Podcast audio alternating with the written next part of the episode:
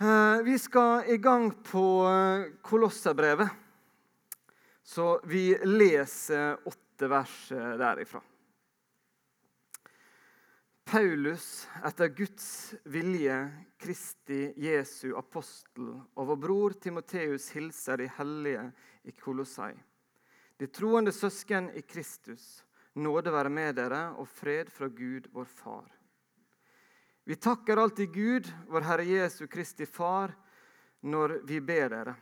For vi har fått høre om deres tro på Kristus Jesus og om kjærligheten dere har til alle de hellige, på grunn av håpet som venter dere i himmelen. Dere har alt nå fått høre om dette gjennom sannhetens ord, evangeliet som er kommet til dere. Som i hele verden ellers har evangeliet båret frukt og utbredt seg også hos dere, helt til den dag dere fikk høre det og lærte Guds sanne nåde å kjenne. Det, det var dette dere fikk lære av vår kjære medarbeider Epafras, som er en trofast Kristi tjener for dere. Han har også fortalt oss om kjærligheten dere har i Ånden.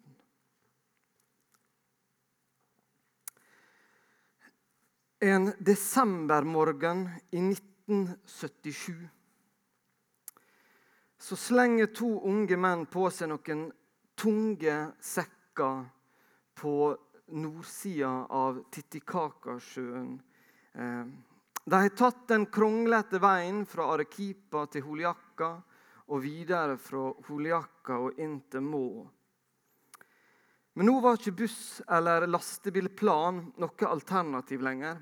Nå måtte beina brukes.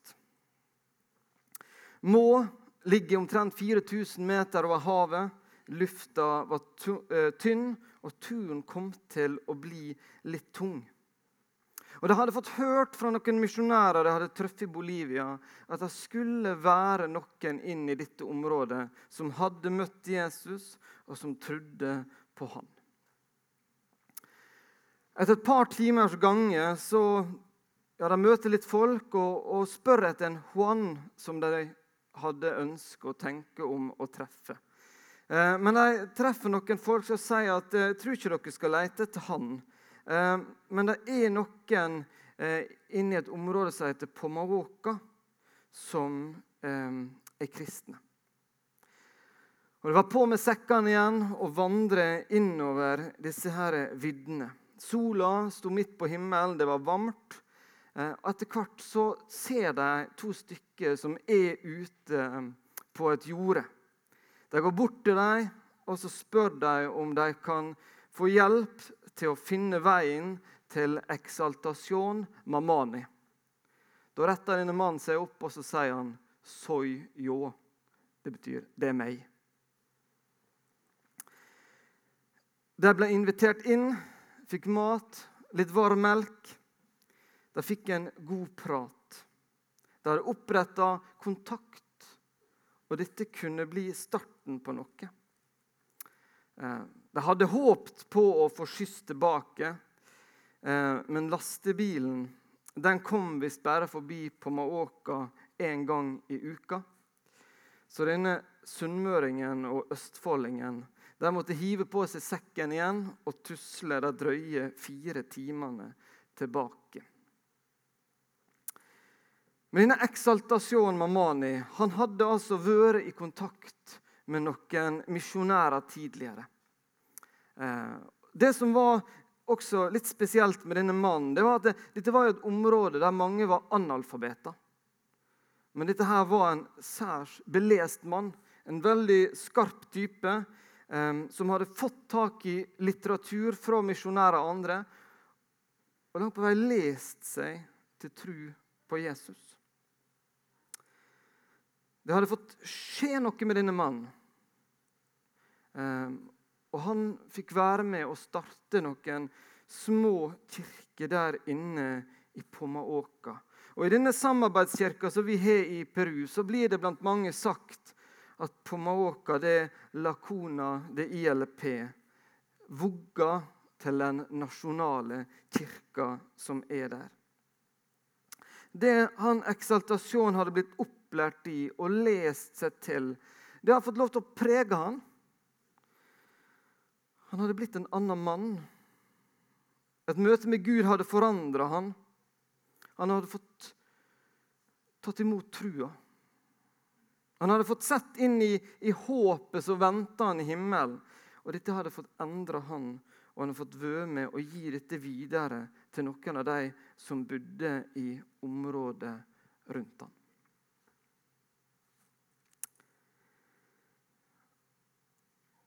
Og så skal vi i gang med Kolosserbrevet. En helt annen plass, en helt annen tid. For dere yngste her så, så skal vi tilbake til før iPhone kom. Også før at han kunne trykke bøker. Men altså 160 km inn i landet fra Efesus i dagens Tyrkia, inn i Lykosdalen, der var denne her plassen Kolossé, eller Kolossei. Og Ca. 400 år før Kristus så, så, var dette en stor og viktig plass. Serex var en stor konge og, og, under hans tid så var dette en stor by. Men eh, han tror at eh, på denne tida her så eh, hadde mye av eh, storheten til denne her byen eh, ja, hadde mista det. Det var større byer rundt. Laudikea, eh, Hierorapolis hadde nå blitt de store byene og, og, dette var litt glemt. Og Hvis vi ser på Paulus sine misjonsreiser, så ser vi at han var aldri til Kolossai eller Kolossé. Um, så så langt vi vet, så var aldri Paulus dit. Det som sannsynligvis skjedde, det at denne Epafras, som vi så vidt leste om i stad Han hadde vært i Efesus, der som Paulus hadde vært. Så hadde han fått tatt imot evangeliet. Han hadde fått lært Jesus å kjenne. Og så hadde han tatt denne her forholdsvis lange veien. Om han fikk skyss med hest eller et eller annet, det vet vi ikke. Men altså 160 km opp gjennom denne dalen. Ulvedalen, tror jeg det betyr. Um, og så hadde han fått lov til å være med og starte en menighet der oppe.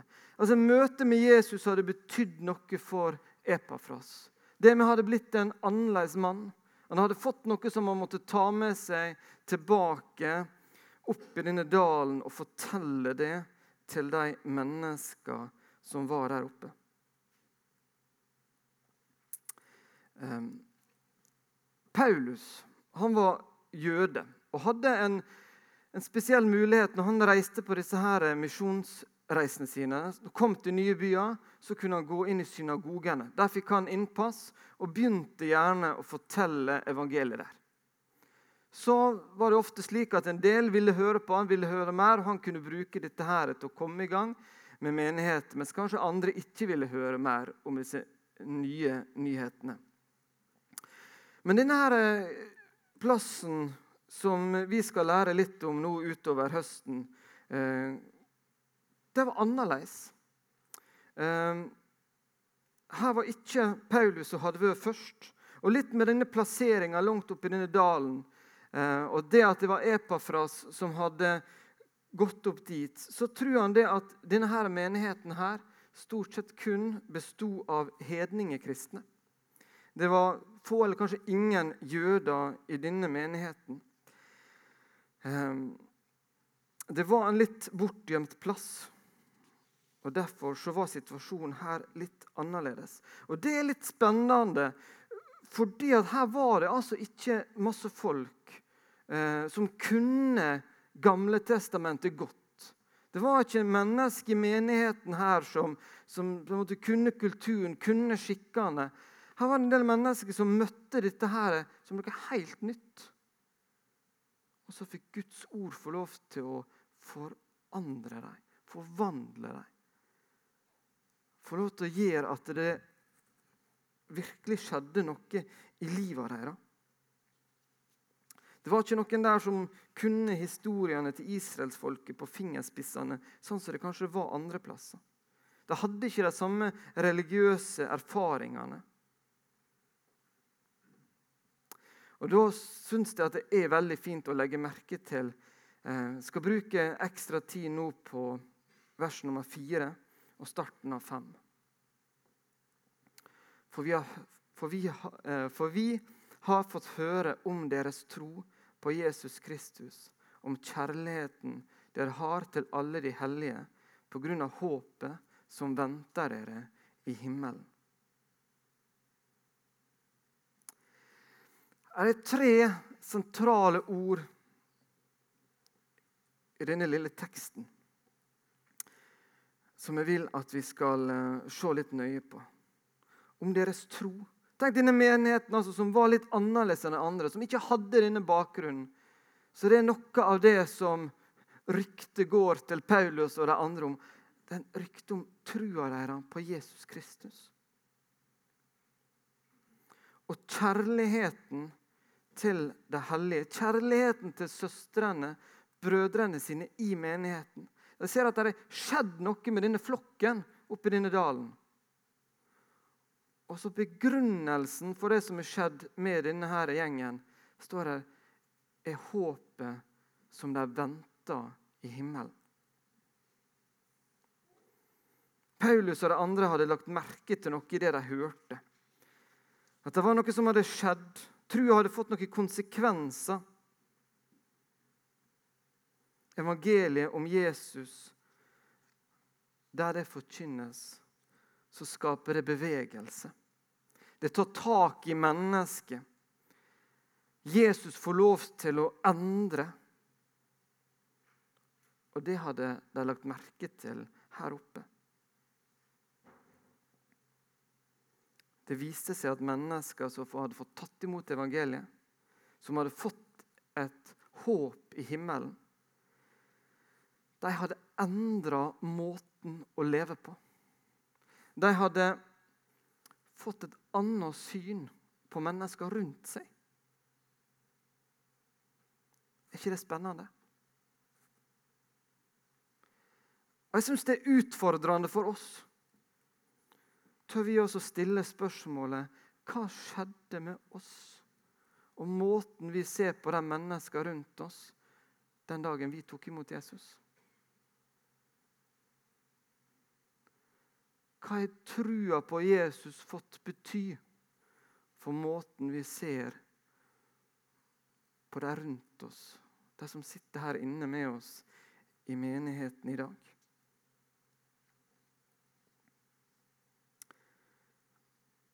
Jeg vil snakke litt mer om hva trua hadde fått gjøre. Det de trodde på, det de festa lit til. Det som hadde blitt sant i livet deres. Jeg tror det er et spørsmål som er viktig at vi tør å stille oss ganske ofte. Hva betyr trua på Jesus for meg? Det at jeg er en kristen, det at jeg er tatt imot Jesus. Hvorfor gjorde jeg det? Hva betyr det for meg? Kanskje var dette her noe som var veldig klart for deg en gang. Den gangen du tok imot Jesus, så, så var dette veldig klart. Og så kan vi bli opptatt av mange andre ting, og så kan det kanskje falle med litt. Men da tror jeg at det er noe vi kan jobbe litt med. At vi kan ta litt tak i det. Um, hva er det for noe?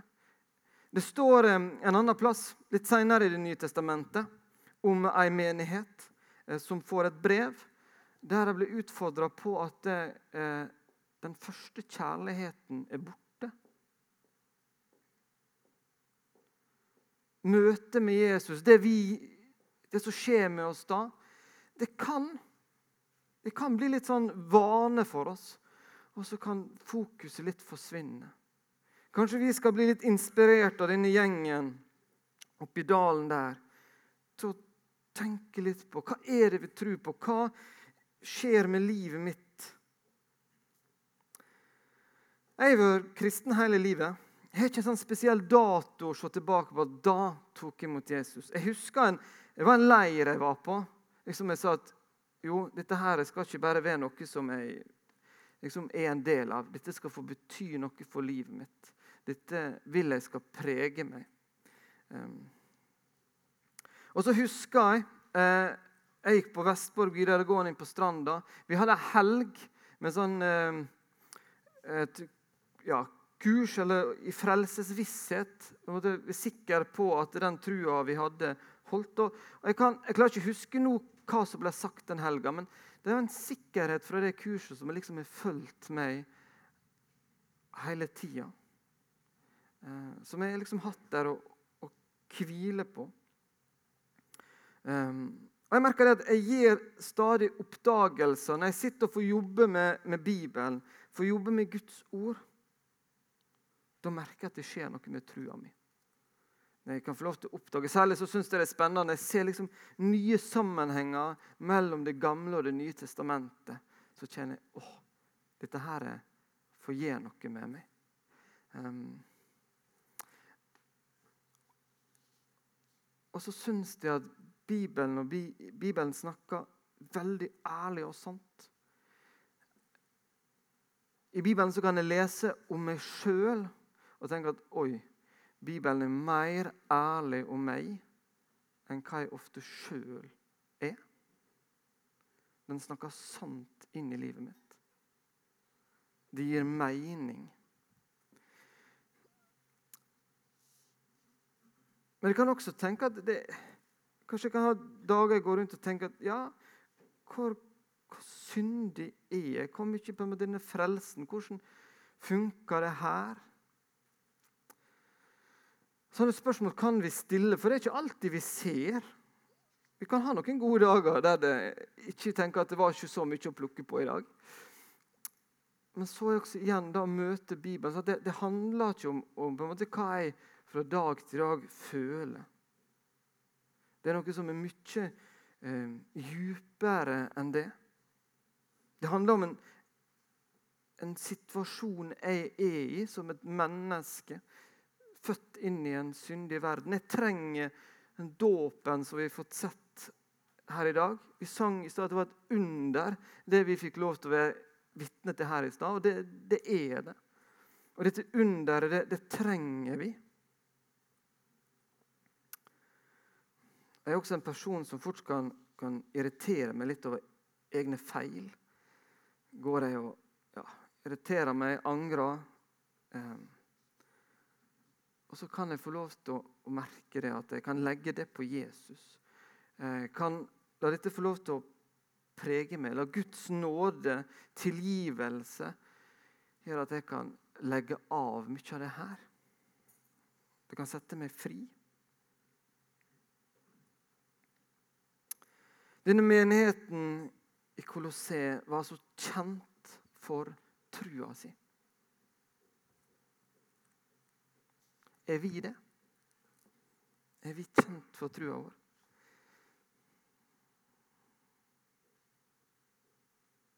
Hvordan skulle det se ut?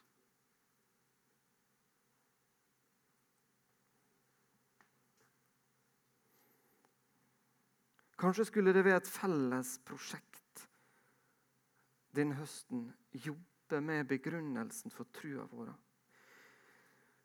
Jeg tenker ofte på trua vår som, som røttene i vårt kristenliv. Kanskje vi skal bruke litt tid på å gi næring til røttene i kristenlivet vårt.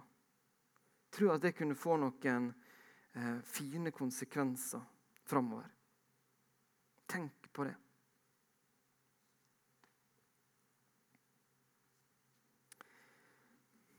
skal gå videre og se at det sto at dette håpet altså det, det var en kjærligheten mellom brødrene og søstrene i menigheten. Det var prega av håpet de hadde fått i himmelen. På grunn av dette himmelhåpet så har det skjedd noe i relasjonen mellom disse menneskene. Og jeg syns at vi er inne i ei tid der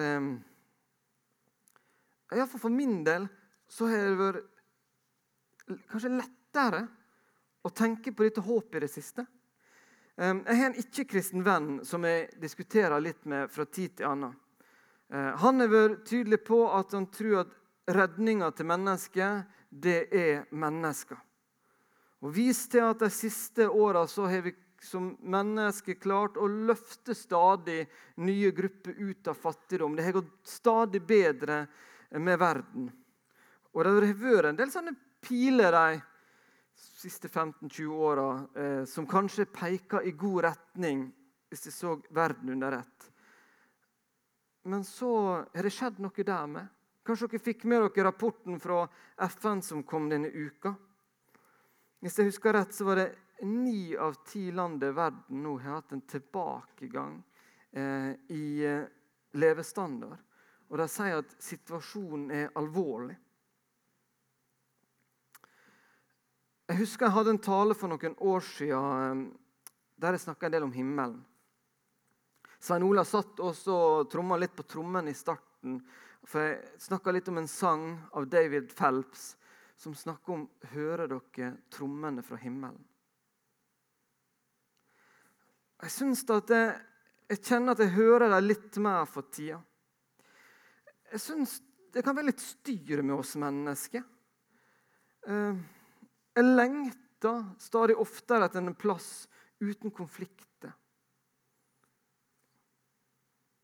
En plass uten krig. En del av det å, å bli eldre gjør at jeg, jeg kjenner flere syke mennesker. Mennesker som har det vondt, og det smerter meg. Kanskje flere av oss som sitter her inne i dag, har det ikke godt. Kaver med helsa. Vi kaver med relasjoner. Tenk å få ha en Se for meg å ta med det beste fra denne verden. Kutte ut alt det som ikke er bra i denne verden, og legge til alt som Gud har tenkt å overraske oss med, som vi ikke aner ennå. Tenk hvor flott det skal være. Denne menigheten i Colosseum. De hadde fått sett dette håpet. De hadde fått sett inn i hva de en dag skulle få lov til å, å bli en del av. Og så preger det menigheten. Det preger fellesskapet. Da har jeg lyst til å stille spørsmålet til oss. Hvordan preger himmelhåpet oss her i misjonssalen? Kan det være at om vi liksom skjerper litt fokuset og, og ser for oss dette håpet, gjør det litt klarere, dette håpet som ligger der framme. At det kan sette i gang noen krefter i fellesskapet vårt. At vi kan få noen glimt her i menigheten av hva som ligger der framme.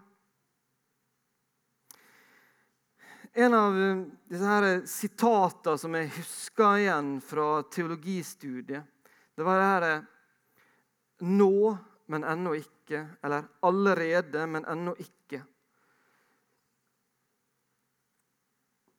Vi kan her i denne verden få se glimtvis noe av det vi har i vente der framme. I Johannesevangeliet Kanskje dere har lagt merke til det at i det andre evangeliet så står det om undera Jesus gjorde. I Johannes-evangeliet så står det ikke om undera Jesus gjorde. Der står det om tegna som Jesus gjorde. Fordi at det var ikke bare noe som skjedde der og da, men det skulle peke fram på noe som skulle skje. Vi har et håp i vente der det skulle ikke være et problem med mat, det skulle ikke være et problem med sykdom, sånn som det var blant en del av de som levde sammen med Jesus. Det kristne fellesskapet er noe helt spesielt. Det skal se annerledes ut enn andre fellesskap. Og igjen så kan vi få ha denne menigheten oppe i denne dalen i Tyrkia som et forbilde. Ut ifra den teksten vi leser, så så hadde det skjedd noe der. Himmelhåpet hadde fått lov til å prege dem.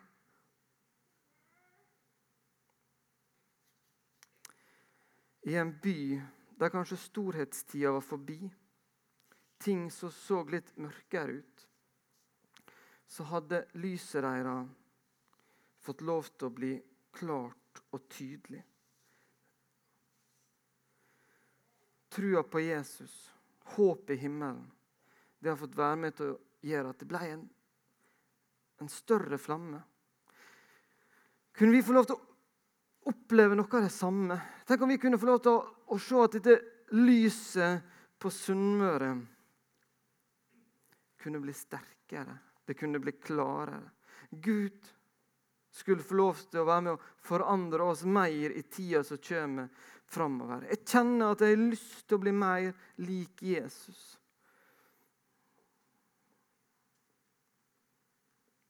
Tenk om noen av disse oppstandelseskreftene som vekte Jesus opp fra de døde, de lever i oss. Tenk om vi kunne få lov til å be Gud og sette mer av det i sving. I oss og i fellesskapet vårt. Vi lever i dag en polarisert verden. Vi ser det stadig i nyhetsbildet rundt oss. Men også det har vi felles med denne menigheten opp i Kolosseum. Det skal vi få lov til å se mer om um, i noen av disse søndagene jeg skal preike utover høsten. Det er en del likhetstrekk mellom vår verden i dag og det som var situasjonen der for knappe 2000 år siden.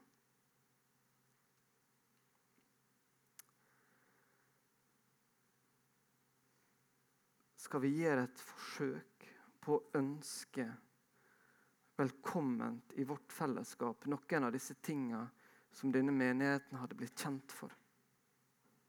Når vi leser i Bibelen, når vi er på gudstjeneste, hører andakter, tale kristen musikk.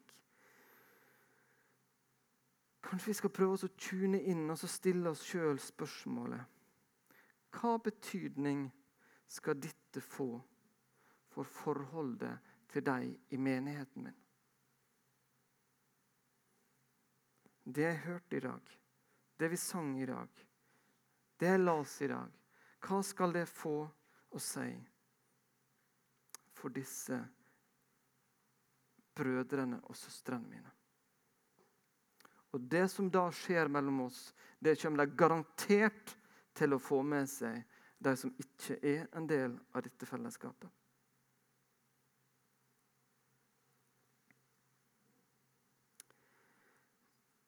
Jeg begynte å snakke om eksaltasjon mamani. Han er ikke lenger eh, blant oss. Han lot seg prege av Gud, fikk bety en del for hans prioriteringer. Han fikk være med å spre evangeliet om i Pomaoka, Men nå er han flytta hjem til far i himmelen. Det samme har sønnen hans, Raoul. Han kjente litt. Han var en av pastorene som døde pga. korona ute i Peru. Men sønnen hans igjen, altså barnebarnet til eksaltasjon, han var på besøk på generalforsamlinga til Misjonssambandet nå i sommer. Vi har sett tre ganger denne videoen fra Peru på søndager i august. Og Han som blir intervjua Eh, i den videoen, det er Leonidas, barnebarnet til Eksaltasjon. Han er nå styreleder for samarbeidskirka vår ute i Peru. Lyset det skinner oppå på disse her slettene i Andelsfjellet. Det får bety noe for dette folket der. Så håper jeg at det skal få bety masse spennende for oss framover.